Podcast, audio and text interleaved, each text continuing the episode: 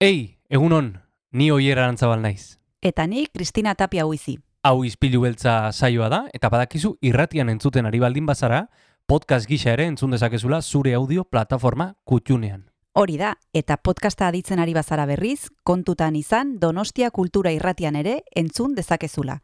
FM eundazazpi puntu lau frekuentzian. Sare sozialetan ere topatuko gaituzu noski, izpilu beltza bilatuta, Instagram, Facebook eta Twitterren. Besterik gabe, guazen gaurko saioarekin. Az gaitezen,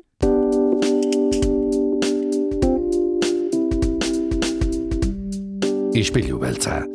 Donostiako kulturaren berri, Oyer Arantzabal eta Kristina Tapia buizirekin.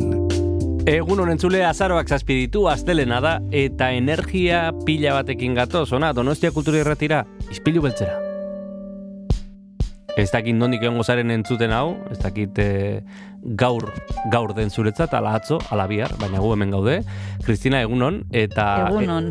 eta gogo handiz, ez? Energia askorekin esan duguna. bai, energia askorekin, e, gustatzen zaigulako ekarriko dugun gaia, zientzia, badekizue, eta gainera aitzakia ederra daukagu, ze Donostia Kulturak antolatu ditu hainbat hitzaldi, Mhm. emakume zientzialarian argitan e, dute izenburua, eta horregatik konbidatu dugu guk e, Amaia Bazigalupe. Ernest Juken egongo da zauraren sortzian, eta itzein digu pandemiaren inguruan, generoaren inguruan, eta, bueno, beste gauza bitxi batzuen inguruan ere ikusiko duzue. Bueno, oso gustura entzungo dugu amaia, e, bazigalupe, zientzialaria, eta horrez gainera Mikel Iturria etorreko zaigu astelenero bezala kultur periskopiotik begiratzeko, eta agendari ematen dio repasoa, Kristina. Bai, badekizue hemen gauza batzuk azpimarratzen ditugula, ez daukagu tarterik e, gauza guztiendako, eta horregatik Mikel Iturria gonbidatzen dugu astelenetan, ba, esplikatzeko ze gauza interesgarri dauden e, donostian, eta, bueno, e, izugarrizko laguntza ematen digu egia zan, Mhm. Mikel Iturria, eta gaur ere horrela egingo du. Horrela egingo du,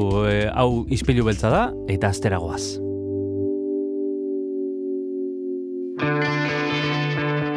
Goazen gaurko saioarekin tok talde bizkaitarraren gau eternal bat izeneko kantu berriarekin.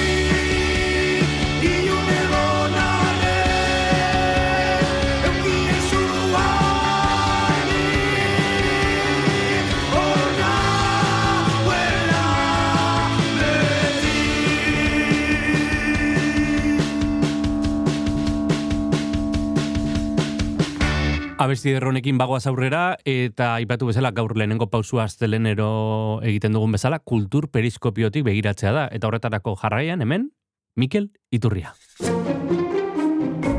Kultur periskopioa. Astelenero bezala, Mikel, mapa zabaltzeragoa, zer moduz, egunon? Hementxe ustut nire ez dula entzun dela.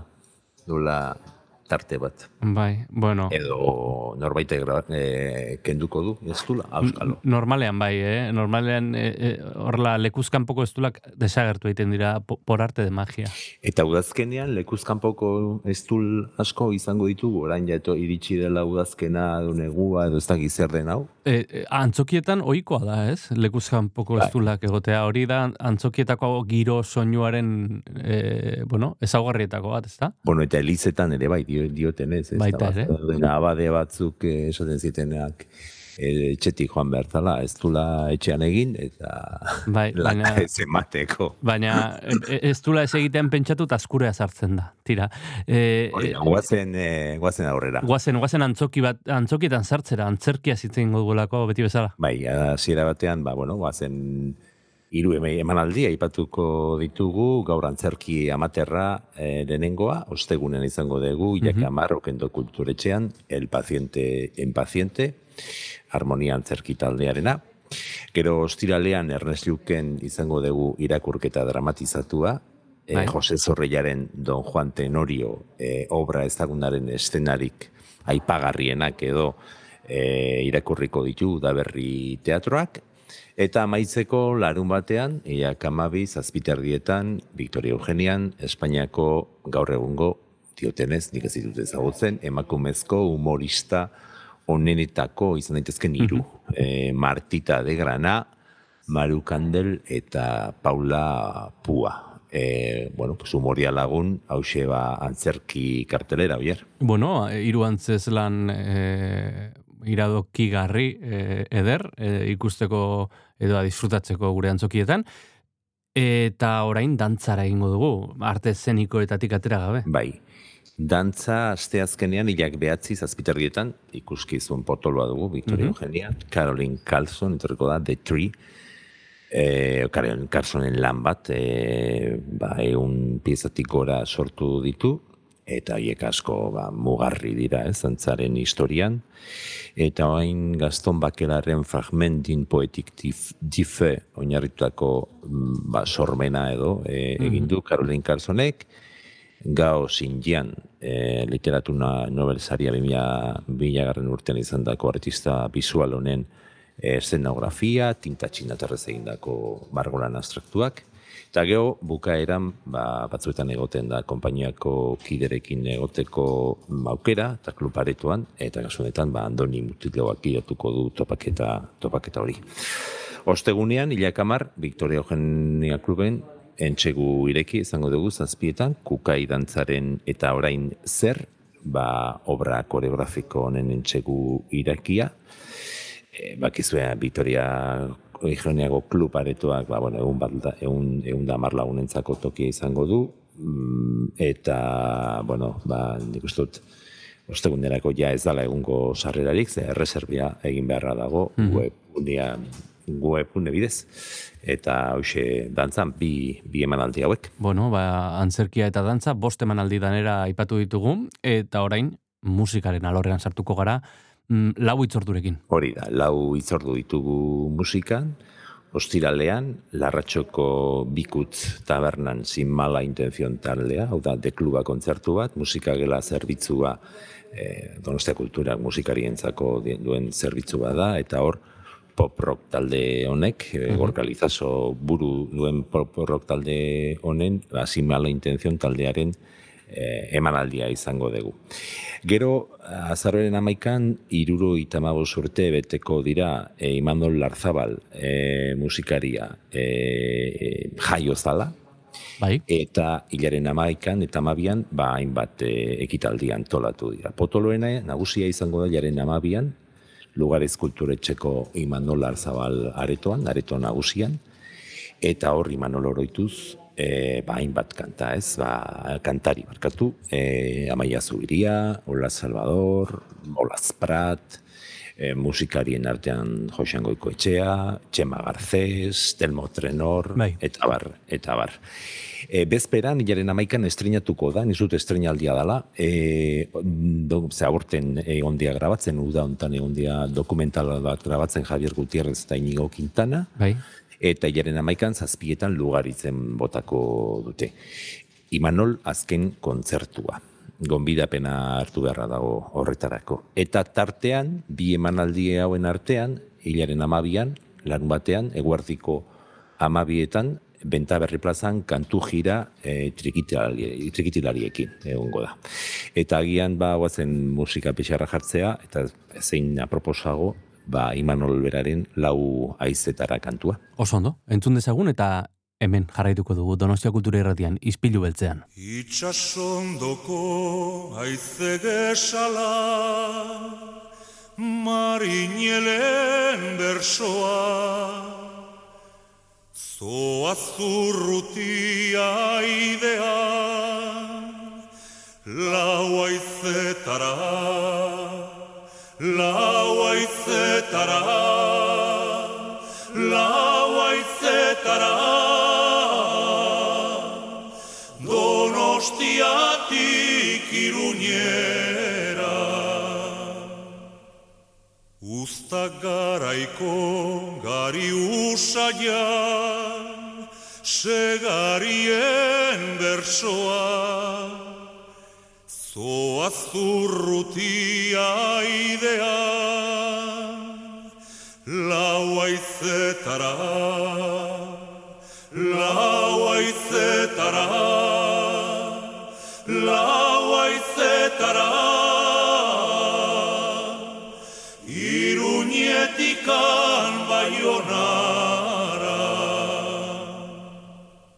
Espainerien Portugaldua Maitarien bersoa. Zoa zurrutia idea Lau aizetara Lau aizetara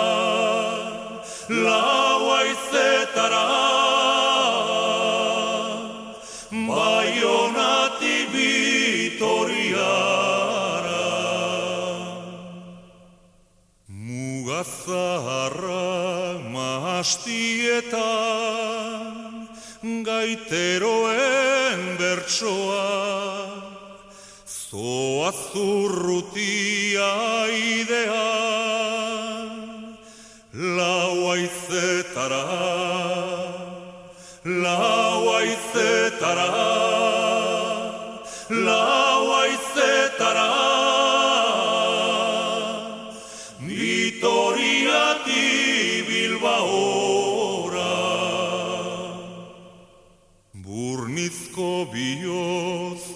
mailatua gabetuen bersoa. Zoaz urrutia idean lau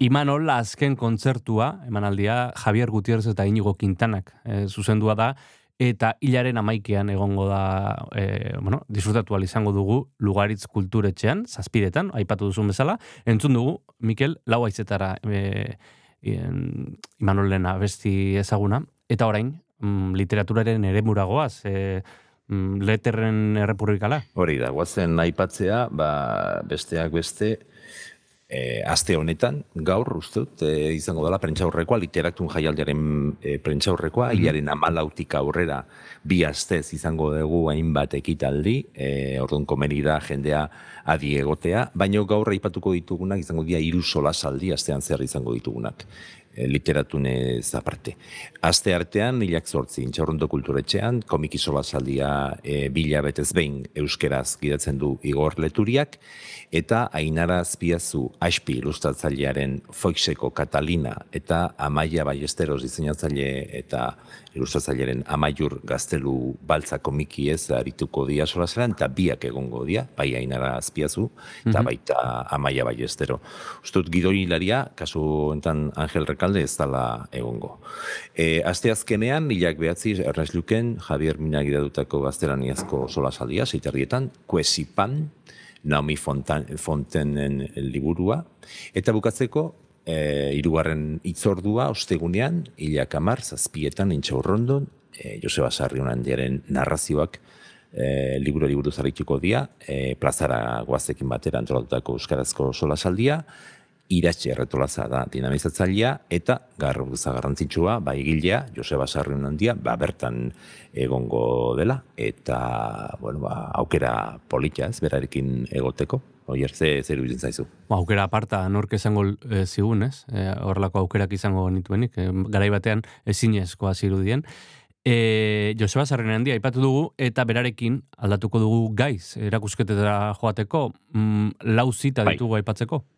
Bai, guazen eh, hainbat eh, kontu ditugu. Bueno, eh, pasaden astean inauguratu zen eh, Santelmon erakusketa bat, eh, Indesirable, eh, urtarrilaren hogeita behatze arte dago ikusgai, eh, komisarioa pie, eh, Piedad Solans da, eta, bueno, erakusketak ba, indarkeria eta diskriminazio politikoa, gerrak, bombardaketak, erbesteratuak, deportatuak, immigrazioak, guzti hori edo e, jorratzen du, ez? Eta horretarako, ba, nazioarteko amabos artisten disiplinanitzeko obra, dago, e, ikusgai, goiaren gerraren ondamendiak, akuaforte batzuk, Santeno Museoaren bildumak, Zurich eta Zaragozako bi zentrotako marrazki batzuk, Santeno, berta, e, Santeno bertan dagoen Gabriela zendoia bergaretxe bildumako argazki liburuak, eta Bai. bar, eta bar.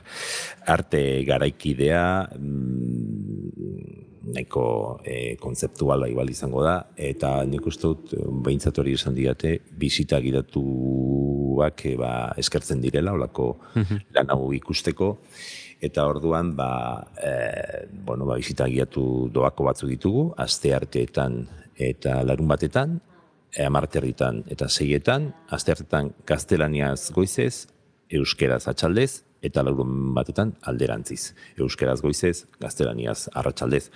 Eta komeni da, ba hori, erreserbatzeak webgune bidez. Aurreko batean ere ipatu genuen, eta literatun jaialderen baitan dago azaroaren emezortzi artikusgai Ernest Luken sastraka, lau artisten elkarlanaren emaitza, Peio Lizerralde, Jose Ignacio Agorreta, Imanol Ubeda eta Imanol Rayo, Bai? beldurrezko asterekin lotura duen aza, e, beste erakusketa bat azoren amairuan amaituko da, liburutegi nagusian, Arantza Sestaio e, bere, bueno, ilustratzailearen fantasia realista edo hori, ba, unibertso hori ezagutzeko para daukagu, eta ostiralean ilak amaika aiete kulturetxean beste erakusketa bat inauguratuko da. Ukraina, aro berriko guda zaharra, Donostiako udaleko lankidetza bulegoak antolatu du, Andoni Luaki fotoko gaztariarekin, o, bueno, bere hainbat argazkirekin, eta bueno, ba, lau bisita giratuko ditu Andoni, bertan ibilia da, Ukrainian Mhm. ibilia da, eta bueno, azarraren amaikan eta magostean, ba, webunean begiratu, eta badago aukera ba, ba, ba, izen emateko. Mhm. Eta agian beste kantu bat eh, jarriko dugu, oier, ze, zer iruditzen zaizu. Primeran, zea besti prestatu zu... Ba, ez dakit, hor neukan gordeta kanta bat, Maia Jokeren Luna Moth, ez dakit Mhm. nondik etorri ze- e, zergatikan gorden duen, ze bere horrez ez ezagutzen, baina kanta hau gustatzen zaite. Bea, e, lau urteko aktore, modelo eta abeslaria dela, esaten du Wikipediak, Ethan Hawke eta Uma Thurman aktoren alaba da, eta ba, agian honena bere kanta jartzea. Entzun dezagun.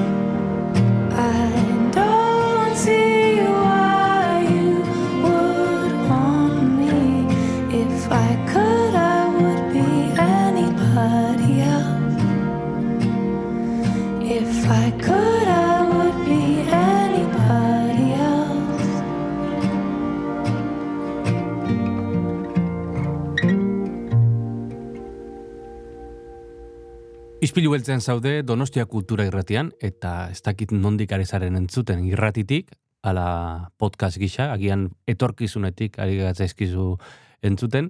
E, Mikel Maia Houk entzun dugu Luna Moz, beti abesti irado, iradokigarriak, abesti ederrak ekartzen duzu ispilu beltzera, eta abesti honek balioko digu gogo eta pixka bat egiteko. Bai, guazen ditugu nahin bat itzaldi, jardunaldi eta bar aipatzera. Lehenengo jarduera bihar, aste artea e, izango dugu iluntzeko zazpietan errezu kulturetxean.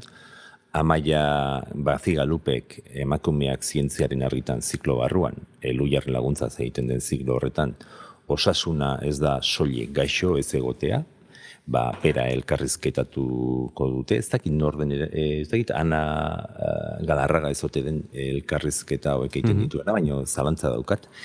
Eta maia gazu bat ba, osasun publikoan doktorea, soziologia irakaslea, eta bueno, Euskal Herriko Unibertsitatean, eta bueno, badakit astea honetan edo, e, gaur egongo da, amaia irratsaioan? Bai, ge- zure tarte honen ostean eh, gerturatuko zaigu, bueno, ba, osasunaren inguruan hitz egiteko, oso gainera bogan dagoen gaia da, osasuna, osasun publikoa, en, osasun mentala, osasun publikoan, tira, ea zer kontatzen digun. Bai, horrek osasunaz hitz egiten bali badugu, gaizki gaudenaren seinale izaten da. E, primeran entzungo, e, entzungo dugu, amaiak eh, dioena, eta, bueno, ba, bestalde, aipatu etnografia jardunaldiak izango ditugula, astertik ostiralera, Santelmon, berrogeita mm irugarren edizio antolatu du arantzadi zientzia elkarteak, eta lau izaldi izango ditugu, e, zortzi behatzi amar, eta amaikan, atxaldeko zazpietan, mm panago. Eta gero beste hitzaldi bat, hilaren behatzian, e, Santelmon bertan, Europa gotorlekuarentzat migrazio krisia arazo politikoa da, ez humanitarioa.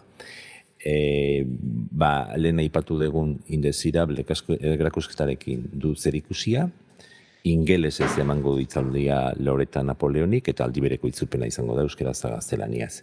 Eta nor da Loreta Napoleoni? ba, terrorismoaren finantzaketan eta kapital zuriketan aritu den eh, norbait, aditua, eta idazle gisa ere ba, sona badaukain bat liburu nahiko bueno, ba, asko saldu direnak, e, gai hauek jorratzen dituztenak.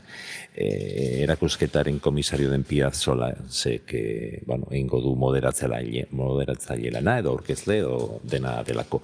Eta osteguaren ere badago beste, beste zita bat, amarrean, itzaldia e, kasu honetan, Carlos Hernández de Miguelek Los campos de concentración de Franco, erakusketa indesirable erakusketarekin batera, ba, bueno, ba, gogoratu gogoratzeko Franco kirureun konzentrazio esparru eh, sortu zituela Espainian, Espainiako estatuan, hogeita masaitik berrogeita zazpira, horietako bederatzi egontzian mm, EAen, Euskadi, Euskadiko autonomia elkartean, hiru probintziatan, eta lau Nafarroan, eta hoien artean, bai pagarriak irungoa, txofre zezen plaza donostikoa, eta bilboko e, deustuko unibertsitatekoa, ez? Eta gai hauek ezazteko eta hurbiltzeko, ba, bueno, pues Carlos Fer- Hernández de Miguel eh, eh, kazetaria eta eh, Twitterren eh, asko mugitzen den eh, txiolaria da, eta bera ekarriko dute.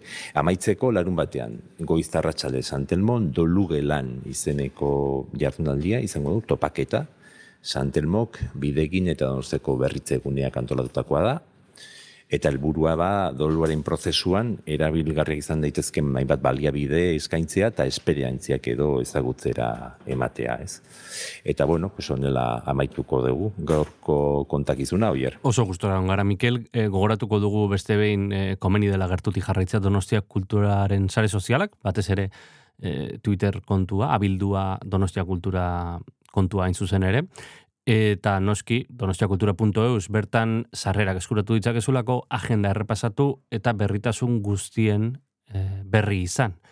Eta hau gogoratuta, Mikel, abesti bat eskatuko dizugu agurtzeko. Bai, aurrekoan dodama egun bi aste aipatu genuen Rafael Berrio zenaren omenezko disko bat, La vida que amo, Mhm. un tributo a Rafael Berrio, eh, hainbat eh, bertsio egin dituzte bueno, bere ezaguna dian hainbat eh, musikarik. E, et baina baztu zitzaidan esatea, saioa emitutu zen egunean bertan, e, bete zirela Rafa jaio zenetikan berrogeita emerezi urte. Eta gero eskatu nizuen jartzeko fino jon arteren bertsioa, simulakro bertsioa, baina jonek originala jarri zuen, eta gaur gustatuko litzaidak istea, ba, fineuren simulakro bertsioarekin. Dudari gabe entzungo dugu eta horrelaxe agurtuko zaitugu urrengo astelehenera arte. Venga, egongo gea. Zaindu agur agur. Jo,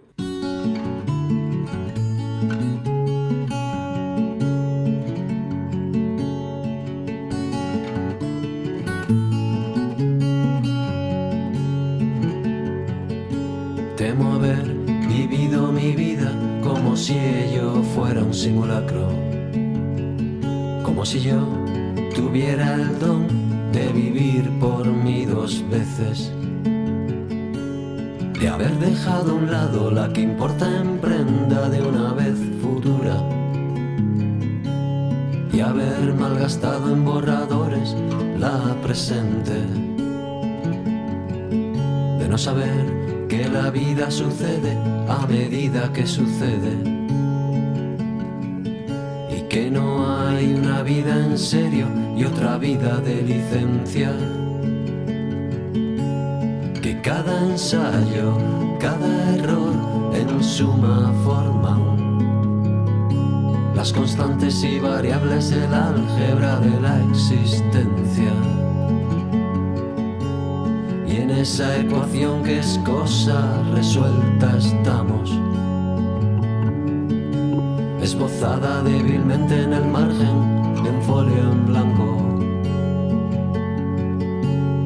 Siento no haber sido tan audaz de un trazo algo más firme, de haber perdido un tiempo de oro en pruebas y en ensayos.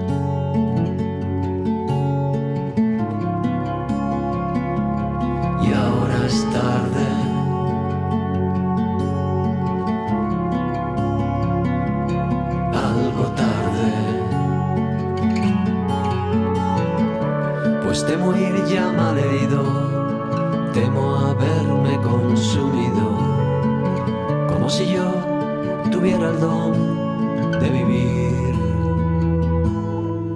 dos veces.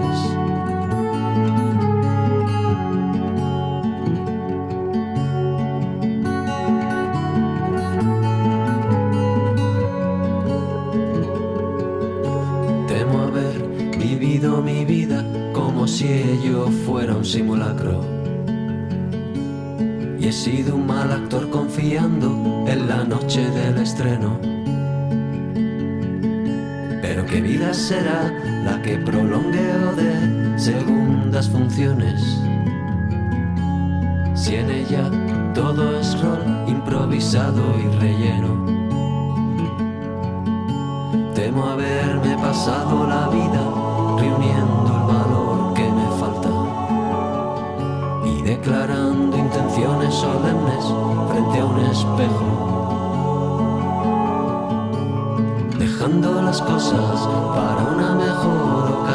que no llega.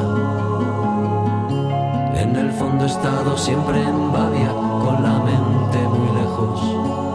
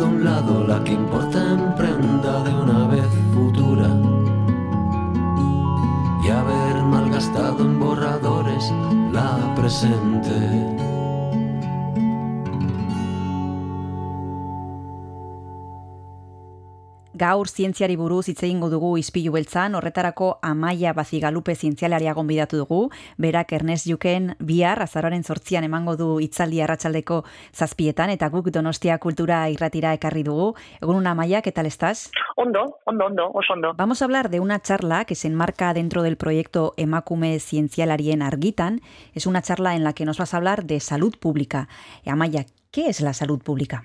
Bueno, eh, la salud pública es cierto que es una disciplina amplia. Eh, nosotras desde el grupo de investigación en el que trabajamos en la universidad nos dedicamos a ver eh, cómo la estructura social y, y, digamos las posiciones sociales de las personas, ¿no? las desigualdades sociales que se generan, cómo estas afectan a la salud y, al, y a la manera en, el- en la que nos relacionamos con los servicios sanitarios. Este será un poco el tema sobre el que versará la, entrevista. Bueno, como decíamos al principio, la salud pública es, es uno de los ámbitos en los que tú trabajas. Eres doctora en salud pública, profesora de sociología en la UPV, también investigadora en el grupo OPIC, un grupo de investigación sobre los determinantes sociales de la salud y el cambio demográfico. Y últimamente, como por nos ha tocado habl- escuchar mucho hablar de salud pública. En concreto, ¿qué es lo que estudiáis en la salud pública? Porque todo el mundo piensa cuando hablamos de salud en un médico, ¿no? Pero cuando hablamos de salud pública, y, últimamente los hemos visto en las tertulias, en las televisiones, expertos en salud pública, eh, ¿a qué hace referencia este ámbito de, trabajo? Bueno, pues eh, creo que has dado en el clavo, ¿no? Eh, lo que intentamos es trascender precisamente esa mirada biomédica, ¿no? Que, que es relevante para entender la salud, pero que, que ya hay muchísima evidencia acumulada durante muchas décadas de trabajo y de investigación que nos hacen ver que la salud es dependiente eh, de muchos determinantes sociales de la salud y que eh, la salud de las poblaciones está mucho más condicionada por cuestiones que tienen que ver con los condicionantes sociales, es decir, cómo nos organizamos socialmente, que con eh, la actuación específica de los servicios sanitarios o la carga biológica genética con la que llegamos al mundo. Entonces, nosotras desde el grupo de investigación OPIC lo que hacemos es analizar eh, si estas desigualdades sociales, que pueden ser por razón de clase social, por razón de género, por razón de lugar de nacimiento, por la intersección de todas ellas, hasta qué punto afectan al potencial de salud que somos capaces las personas de llegar a alcanzar, ¿no? O sea, hasta qué punto todos estos condicionantes limitan la capacidad de, de gozar de buena salud de las personas. Hmm. Y esto es algo nuevo, Maya, darse cuenta de que más allá de la genética, más allá de eh, la medicina, el- otros factores, como has mencionado tú, eh, inciden en la salud de las personas. ¿Esto desde cuándo se ha interiorizado? Pues mira, eh, es nuevo y es viejo. Eh, es Mm. nuevo porque, porque solo es desde hace una- unos, unas pocas décadas, digamos, ¿no? que ha habido como un repunte de la investigación que intenta trascender esta mirada biomédica, ¿no? porque a lo largo del, del siglo XX, digamos, esta fue la mirada hegemónica.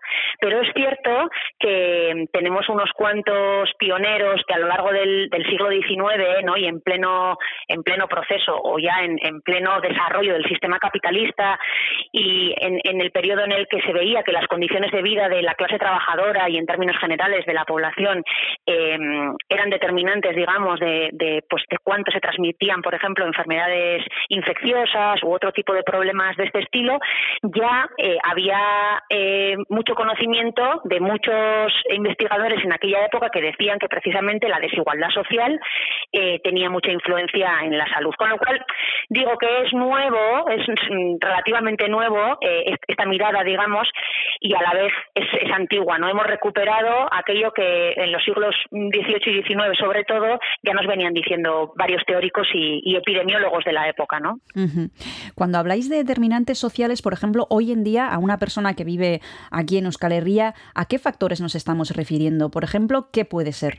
Bueno, pues mira, para que nos hagamos una idea de qué significa eso, con datos concretos. En Bilbao, por ejemplo, ¿no?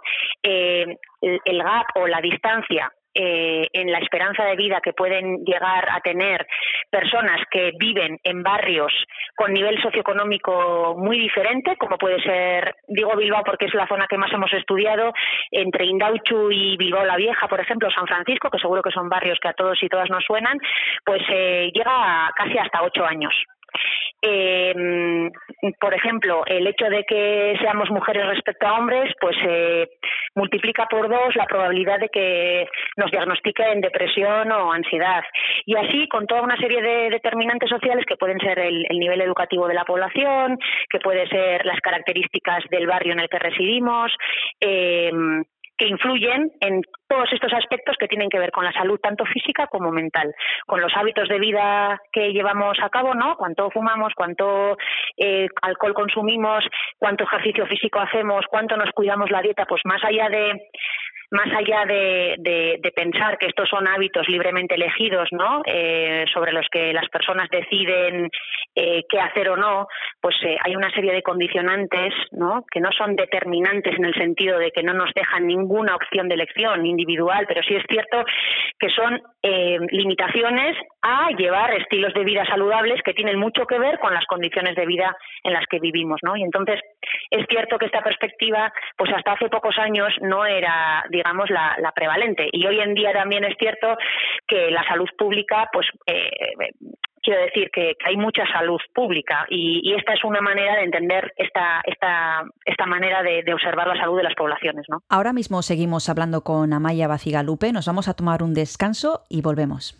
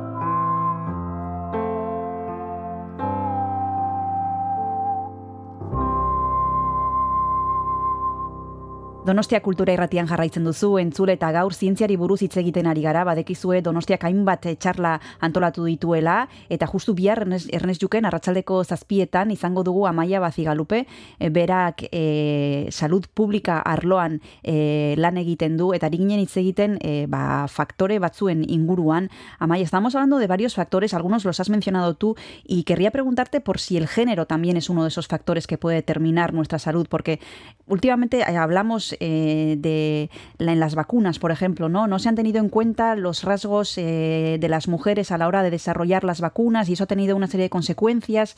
Yo no sé si ahí también hay un recorrido por, por hacer.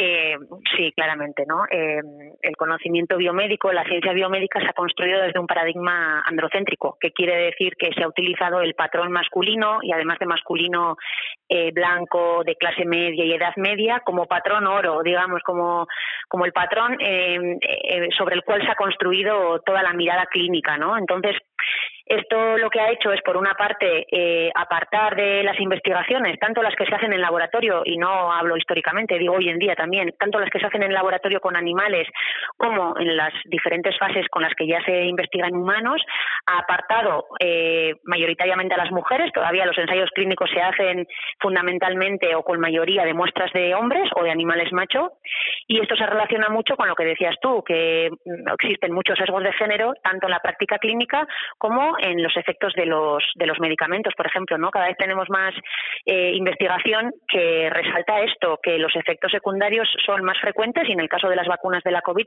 se han visto en diferentes revisiones publicadas a lo largo de estos dos años que, estos efectos secundarios eh, son más frecuentes en las mujeres que en los hombres, ¿no? Y esto probablemente tenga que ver con que ellas, nosotras, participamos menos en los ensayos clínicos, pero sin embargo después las dosis con las cuales administran las vacunas son iguales en el conjunto de la población. Esta mirada androcéntrica, ¿no? que, que aparta un poco la, especificidad de las mujeres, también la podríamos aplicar, como digo, a la edad, ¿no? Eh, o a otras características que no están representadas por ese modelo promedio que te decía, ¿no? Entonces, claro, en este sentido hay mucho y el género eh, y los sesgos de género que se que se que, están introducidos en la práctica clínica y en la investigación biomédica, pues son esos, eh, otra gran línea que desde OPIC, desde el grupo de investigación, pues intentamos modestamente, digamos, contribuir, ¿no?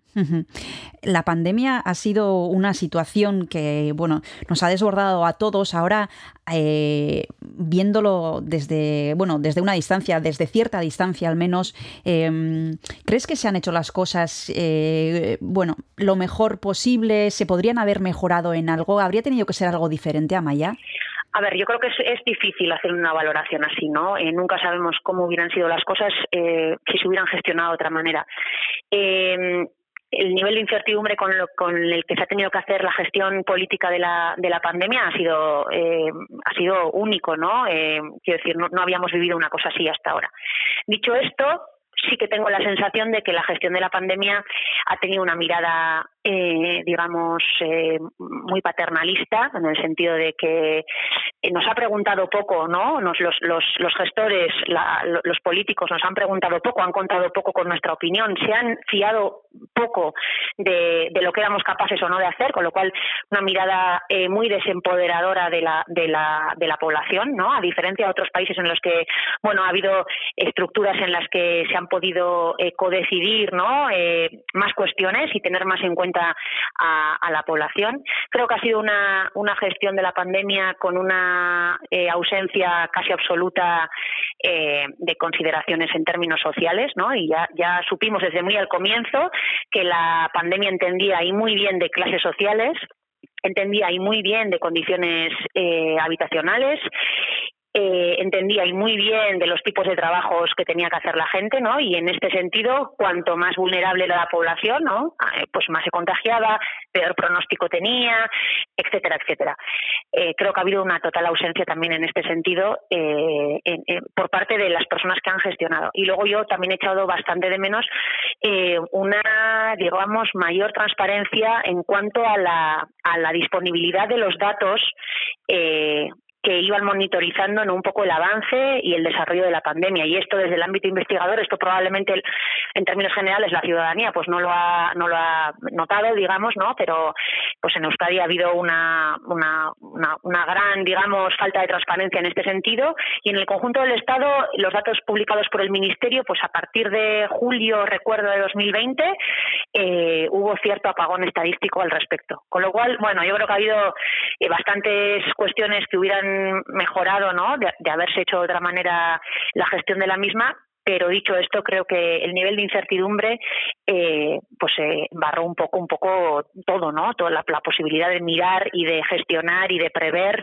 eh, cómo podían evolucionar Mm. las cosas. Hablas de previsión, Amaya. ¿Esto se podría haber eh, previsto? Ha sido una casualidad, nos ha pillado a todos con el pie cambiado, pero vosotros si os dedicáis a la investigación, ¿esto se podría prever de alguna manera? Bueno, no lo sé, no soy yo la persona más eh, adecuada para esto, eh, en responder esto. Eh, supongo que se podía haber eh, previsto con algo más de margen. Creo que el nivel de impacto eh, que finalmente tuvo era absolutamente imprevisible y, y bueno, y, y para prueba, digamos, que, que casi todos los países a nivel mundial han sufrido una gran una gran eh, influencia, un gran impacto de la pandemia, con lo cual, bueno, quiero entender que visto desde fuera parecía mucho más sencillo de prever y de gestionar con más margen de lo que realmente acabó siendo, ¿no? Pero bueno, dicho esto, no soy yo para nada eh, la persona adecuada para saber si esto eh, era más previsible de lo que de lo que de lo que pensamos, no lo sé, la verdad. Ahora mismo vamos a seguir hablando de ciencia con Amaya Baciga Lupe. Eh, nos vamos a tomar el segundo descanso y volvemos ahora mismo.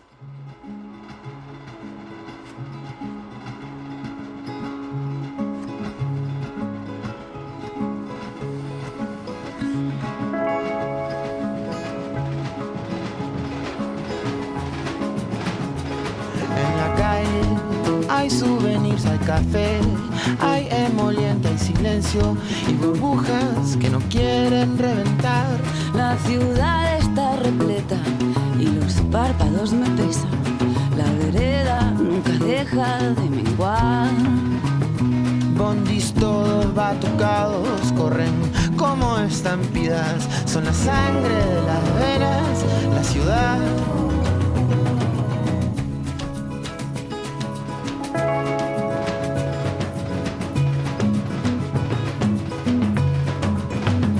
Cada paso que se avanza cae como una avalancha de colores que me enseñan a vivir. Dame un poco de paciencia para toda mi demencia, una excusa para no mirar atrás. Eres una batucada, eres una estampida.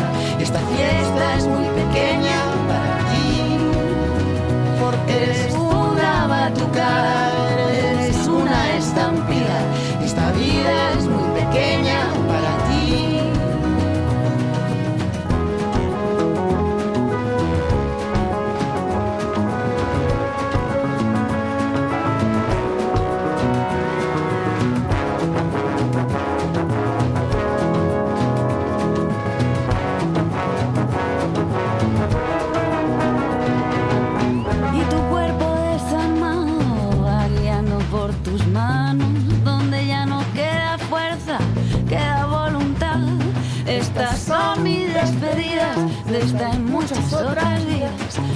marcho para poder regresar.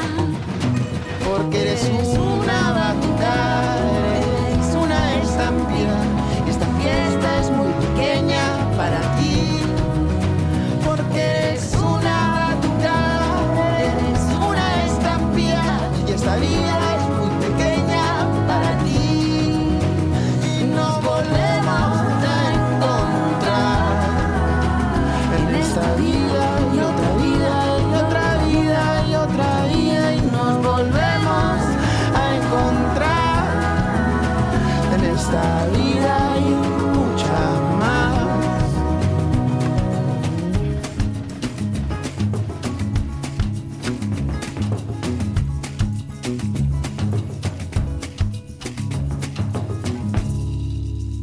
Ispilu beltzan zaude entzule Donostia Kultura Irratian eta gaur telefonoaren beste aldean Amaia Bazigalupe zientzialaria daukagu, berak parte hartuko du Ernest Juken izango dugun hitzaldi batean emakume zientzialarien argitan. Esta charla que vas a impartir en Ernest Juk se enmarca dentro de una serie de charlas que están eh, ofrecidas por mujeres y hablábamos antes del género, Amaya. Yo también te quería preguntar eh, en tu carrera eh, si ha habido alguna dificultad específica por ser mujer, si esto ya está superado, ¿cómo lo has vivido tú, tu camino laboral en este sentido? Bueno, creo que, a ver, creo que mm, independientemente del, del nivel de dificultad o no que yo eh, personalmente haya tenido, que probablemente no sea nada representativo de lo que sí creo que, que sufren y todavía toda una serie de obstáculos estructurales a los que nos enfrentamos las mujeres que nos dedicamos no solo a la ciencia, sino en términos generales a desarrollar proyectos de vida Sí. que nosotras queremos ¿no? y que, decide, que decidimos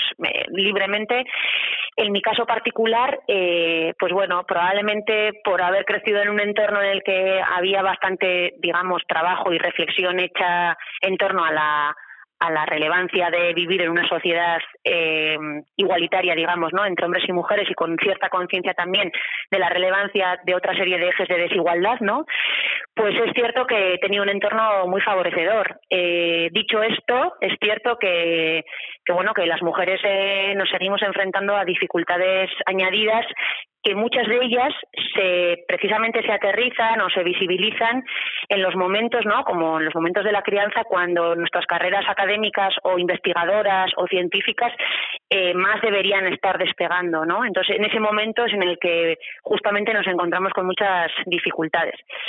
Eh, sería sería poco honesto decir que, yo me he encontrado con, pues con ese tipo de dificultades de las que estoy hablando y, que sé que afectan a, a muchísimas mujeres.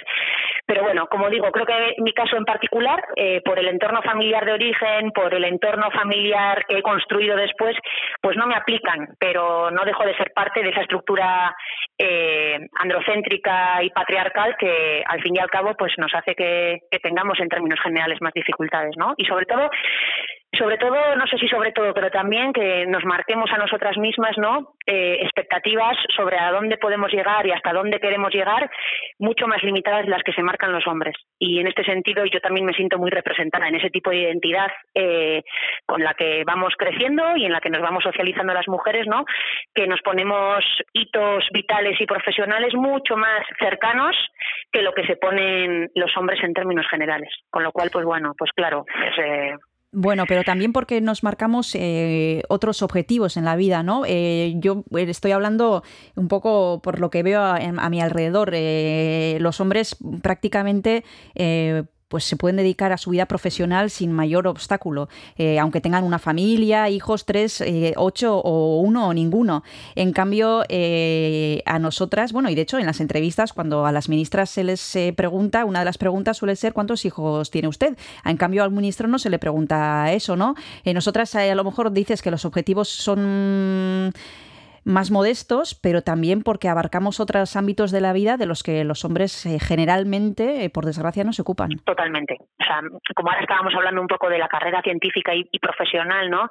Y que yo siento que no he tenido especiales obstáculos estructurales y objetivos en este sentido, pero sí siento que me he marcado a mí misma eh, expectativas o, o, u horizontes que quizás no vayan, ¿no? Con un recorrido tan amplio como los que veo a mi alrededor Pero dicho esto, también es cierto que eh, me parece que precisamente es porque nos marcamos otros hitos mucho más lejanos y ambiciosos, ¿no? Que son muy importantes para la reproducción de la vida eh, y para el bienestar de nosotras mismas y de nuestro entorno, que sí que, que tienen todo el sentido y que, y claro, el tiempo es finito. Con lo cual, eh, bueno, pues es una cuestión de, prioridad, ¿no? Pero en una, una sociedad eh, y un sistema que estratifica, eh, da estatus eh, y da privilegios en función de la posición que una tenga y acabe adquiriendo en el mercado laboral, ¿no? cuando eso acaba siendo lo estructurante de las condiciones de vida de las personas, pues hombre, eh, hay que tenerlo en cuenta, ¿no? Y hay que empezar a, a, luchar, digamos, pues porque esos otros hitos, esas otras expectativas en otros ámbitos de la vida tengan el mismo valor, ¿no? Mm. Que todavía no lo tienen. Mm. Pues sí, efectivamente. Y la falta de referentes es una de las cosas que, que pueden ser también eh, un problema en el, en el, recorrido profesional de una mujer. Por ejemplo, hace poco veía en la televisión que en los Nobel, eh, en, la, en la, las personas que, mm, bueno, las mujeres que más han conseguido premios Nobel son pues las que tienen que ver con la paz, con la literatura, pero en cambio de física, química, matemática, economía, había muy, muy poquitas eh, mujeres, ¿no? Los Nobel, por decir algo que a todos nos suena, pero no sé si a nuestras niñas les faltan referentes femeninos y por eso quieren ser eh, maestras y peluqueras y no científicas. Claro, eh, nos faltan, no nos faltan referentes, nos faltan referentes visibles. Eh, creo que tampoco hay que idolatrar solamente esas ciencias que tienen que ver con lo, con lo, con lo técnico, con lo cuantitativo, ¿no? con lo biológico. Me parece que todas las ciencias relacionadas con lo social y lo humanístico son absolutamente necesarias, pero claro, otra vez nos remitimos a lo de antes. El sistema y el mercado privilegia ese tipo de posiciones y ese relacionados con lo científico, como se entiende hegemónicamente, y en cambio sitúa en un segundo plano a todo aquello que tiene que ver con lo humanístico, con lo social, con lo literario, con lo artístico, ¿no? Eh, y por tanto quiero decir que por una parte eh, nos faltan referentes visibles eh, a las niñas, probablemente nos falten o les falten eh, referentes visibles en esos campos científicos más duros, pero por otra parte creo que tenemos que reivindicar que, que no necesariamente esos tienen que ser. Y no necesariamente tenemos que animar a las niñas a hacer carreras técnicas ni científicas ni de ingenierías porque pensemos que precisamente esas sean las que más estatus nos vayan a o les vayan a, a, dar, ¿no? Me parece que también tenemos un trabajo de intentar potenciar y dar visibilidad y sobre todo eh, dar valor social a ese otro tipo de, ciencias sin las cuales eh, no nos podemos reproducir como personas, ¿no? No nos podemos reproducir como especie porque son precisamente el ADN, ¿no? Esa parte de, de la creación, de preguntarnos sobre nosotras mismas, más allá de crear mm, tecnología, más allá de, de crear eh, ciencia en el ámbito más técnico, todo eso es relevante, pero, pero creo que también tenemos que hacer una reivindicación de, de esas otras eh, ciencias, ¿no? Que, que han estado más ligadas a las mujeres, pues porque otra vez, ¿no? Porque han sido las ciencias de segunda y por tanto, eh, bueno, pues en las que a las mujeres nos han asignado de manera más fácil, ¿no? Nos han colocado ahí como una como un lugar más natural mm -hmm. para nosotras. Y hablando de reivindicaciones, Amaya, y para terminar, me gustaría saber eh, qué sensación tienes en este momento. No sé si piensas que hemos hecho más de lo que nos falta por hacer. Eh, aquí hablando con varias mujeres de otras que trabajan en otras disciplinas, nos decían que estamos en un punto en el que parece que estamos yendo a, hacia atrás. Yo no sé si eres positiva con el presente y con el futuro con respecto a la situación de las mujeres y en concreto a las mujeres en la ciencia? Eh, a ver, eh, yo creo que nos movemos en un momento muy complicado, eh, más allá de, del ámbito científico. Creo que en un momento en el que se están dando grandes avances por parte de, del movimiento feminista y de cómo el movimiento feminista está logrando colocar en el centro de la agenda muchas de las reivindicaciones que, que hasta hace poco so, solo estaban presentes en la calle, digamos, ese mismo momento, es en, lo sabemos, ¿no? Es un momento eh, de, efecto boomerang, ¿no? En el cual pues las fuerzas más retrogradas salen a la calle eh, y nos hacen ver que nuestro lugar debería seguir siendo el que ha sido hasta ahora. Entonces, soy positiva porque me parece que es una, una batalla que va hacia adelante, ¿no? Eh, pero por otra parte, eh, sabemos, ¿no? Sabemos eh, que todos los derechos ya no solo en el ámbito de las mujeres, ¿no? Todos los derechos en el ámbito, por ejemplo, laboral o de cualquier otro, ¿no? De derechos sociales son, son derechos que no se consiguen de una vez y para siempre, sino que son derechos que hay que lograr mantener y defender eh, casi diariamente, ¿no? Con lo cual, eh, bueno, soy positiva, pero a la vez eh, precavida en pensar que fácilmente podríamos dar diez pasos para atrás, ¿no? De los, de los tres que ya hemos dado para adelante. Con lo cual creo que tenemos que estar muy atentas, no solo, no solo no perdiendo de vista qué pasa en el ámbito político, ¿no? Eh, me parece que esto es fundamental en el ámbito de la política más institucional, digamos, sino que creo que en, lo diario y en lo cotidiano eh, bueno, tenemos cada una de nosotras, ¿no? Y en colectivo, pero también cada una de nosotras eh, eh, seguir eh, estando ahí, ¿no? A pie, de, a pie de trinchera, intentando no echar para atrás todo lo que hemos logrado hasta ahora. Y eso, en el plano científico, implica, pues, que, que nos vayamos marcando pequeños hitos, como decía antes, ¿no? que vayan un poco más allá, que nos empecemos a ver ya no solo eh, participando, por ejemplo, en proyectos de investigación, ¿no? sino perdiendo el miedo a liderar proyectos de investigación, perder el miedo a, a a coordinar diferentes equipos que puedan estar en diferentes lugares, lugares y en ocupar posiciones que tradicionalmente han estado ocupadas por hombres, ¿no? En el ámbito de la ciencia, que este ha sido un ámbito no solo muy sexista, sino también muy clasista, ¿no? Y yo creo que hay que ir rompiendo poco a poco toda esa serie de barreras, pero pero es complicado. La verdad es que es complicado. Entonces, bueno, soy positiva, sí, soy positiva, pero soy bastante precavida. Bueno, pues con este mensaje positivo, pero también de precaución, eh, despedimos a Maya Bacigalupe. Eskerrizk asko, izpilu beltzara hurbiltzeagatik eta aurrengora arte, mila esker. Oso ondo, zuei, mila esker. Agur. Agur.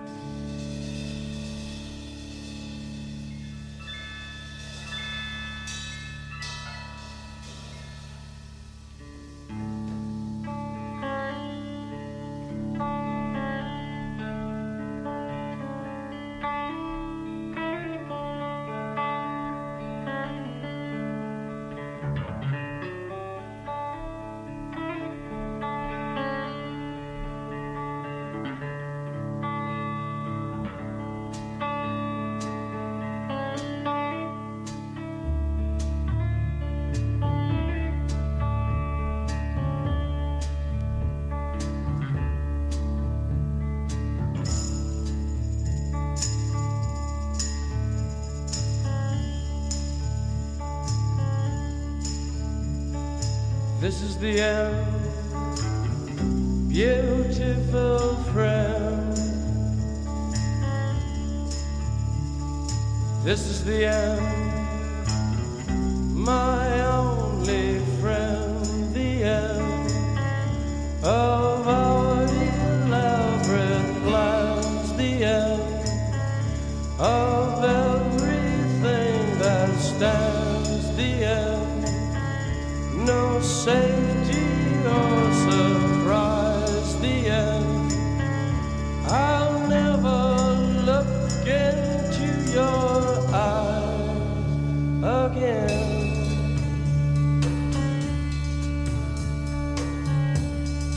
Can you picture what will be so limitless and free? desperately of some stranger's hand in a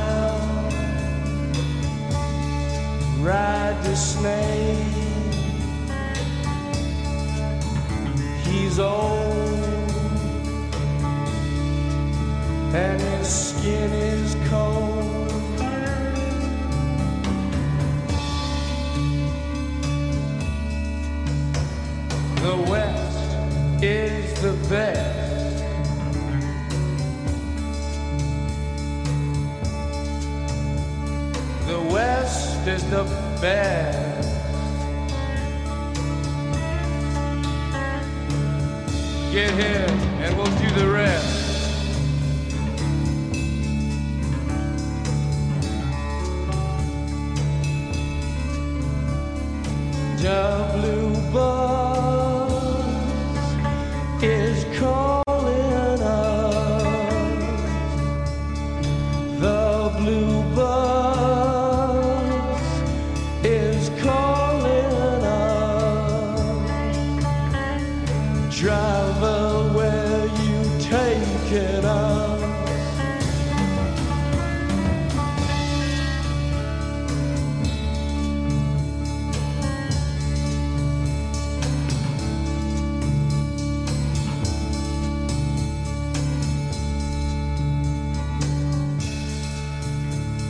Killer awoke before dawn. He put his boots on. He took a face from the ancient gallery and he walked on down the hall.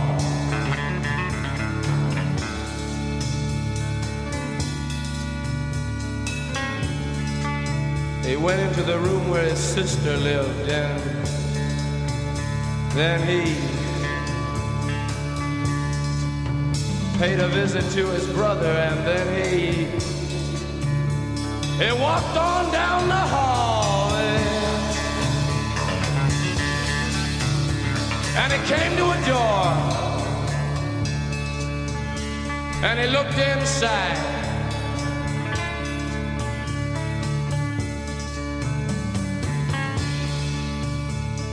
Father, yes, son, I want to kill you.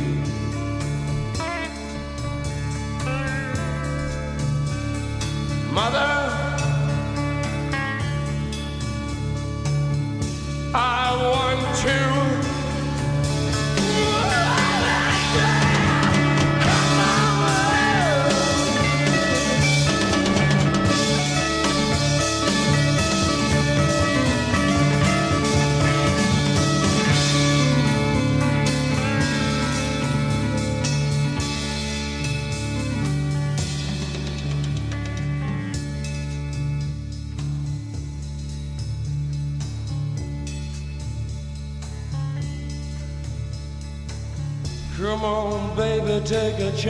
with us.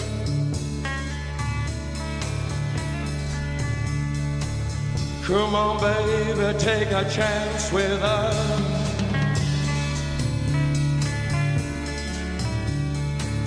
Come on, baby, take a chance with us and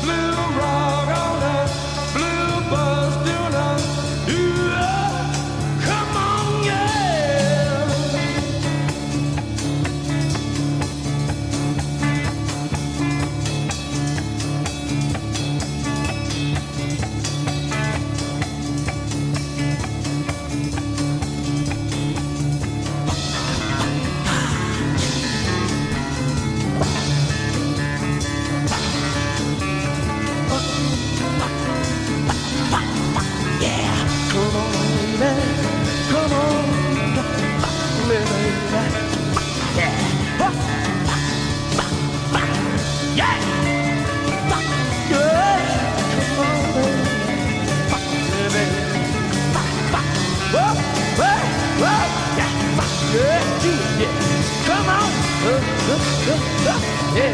Oh.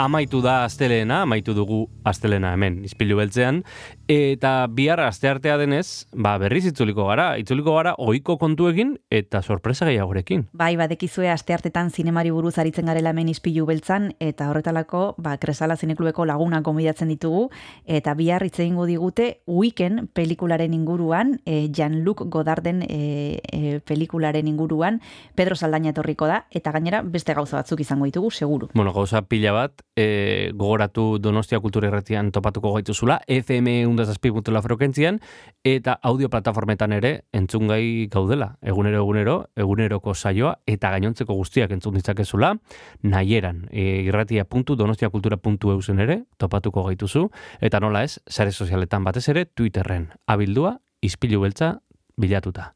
Besterik ez, Kristina, bihar arte. Bihar arte eta astelenon. Agur, agur. Aio.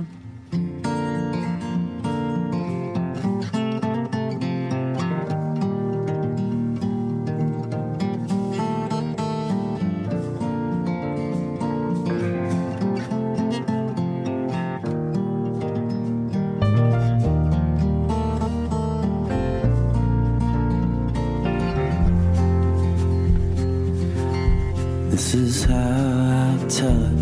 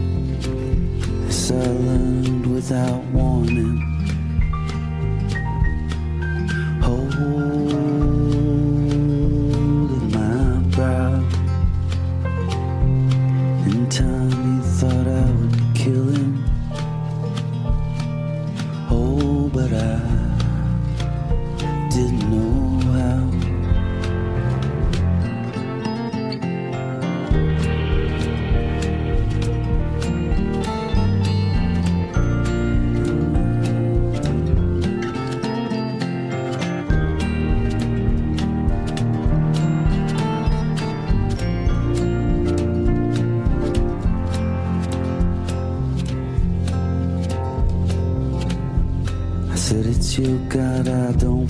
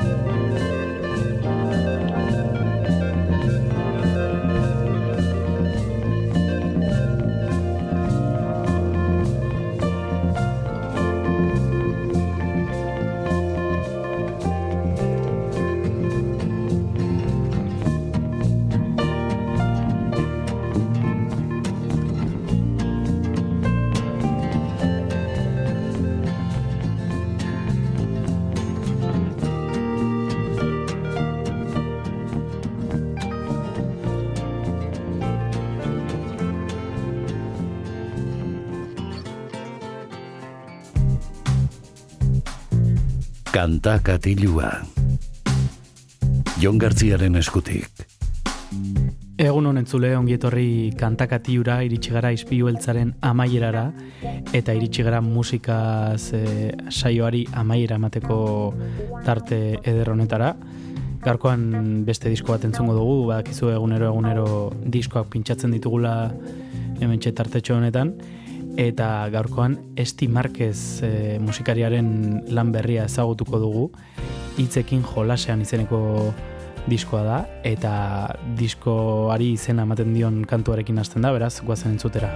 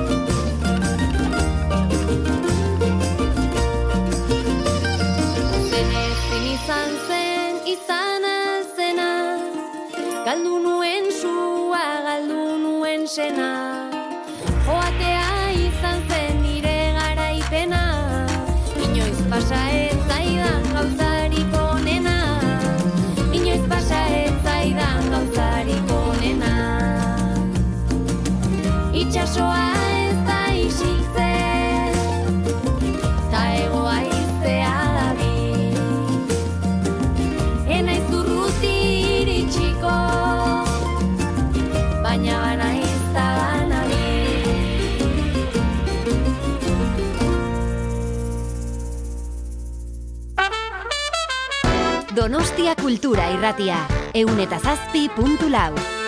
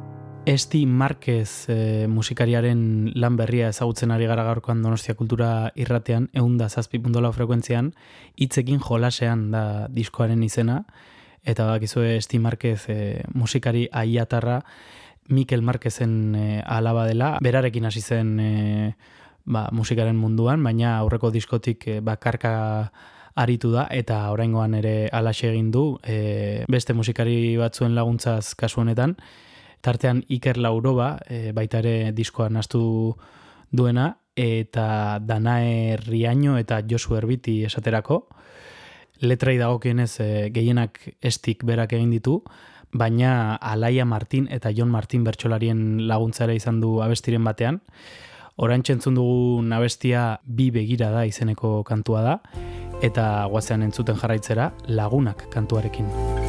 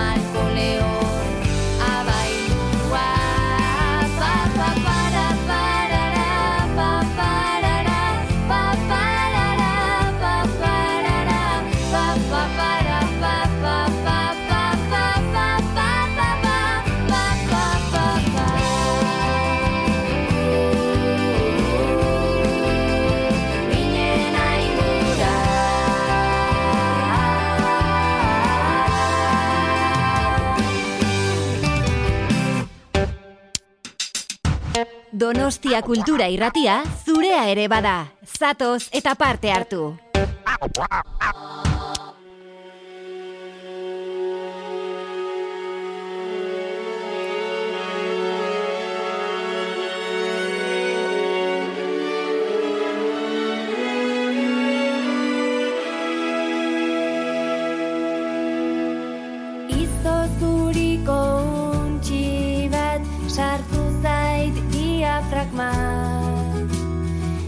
dakite zote didan birika bat eraman.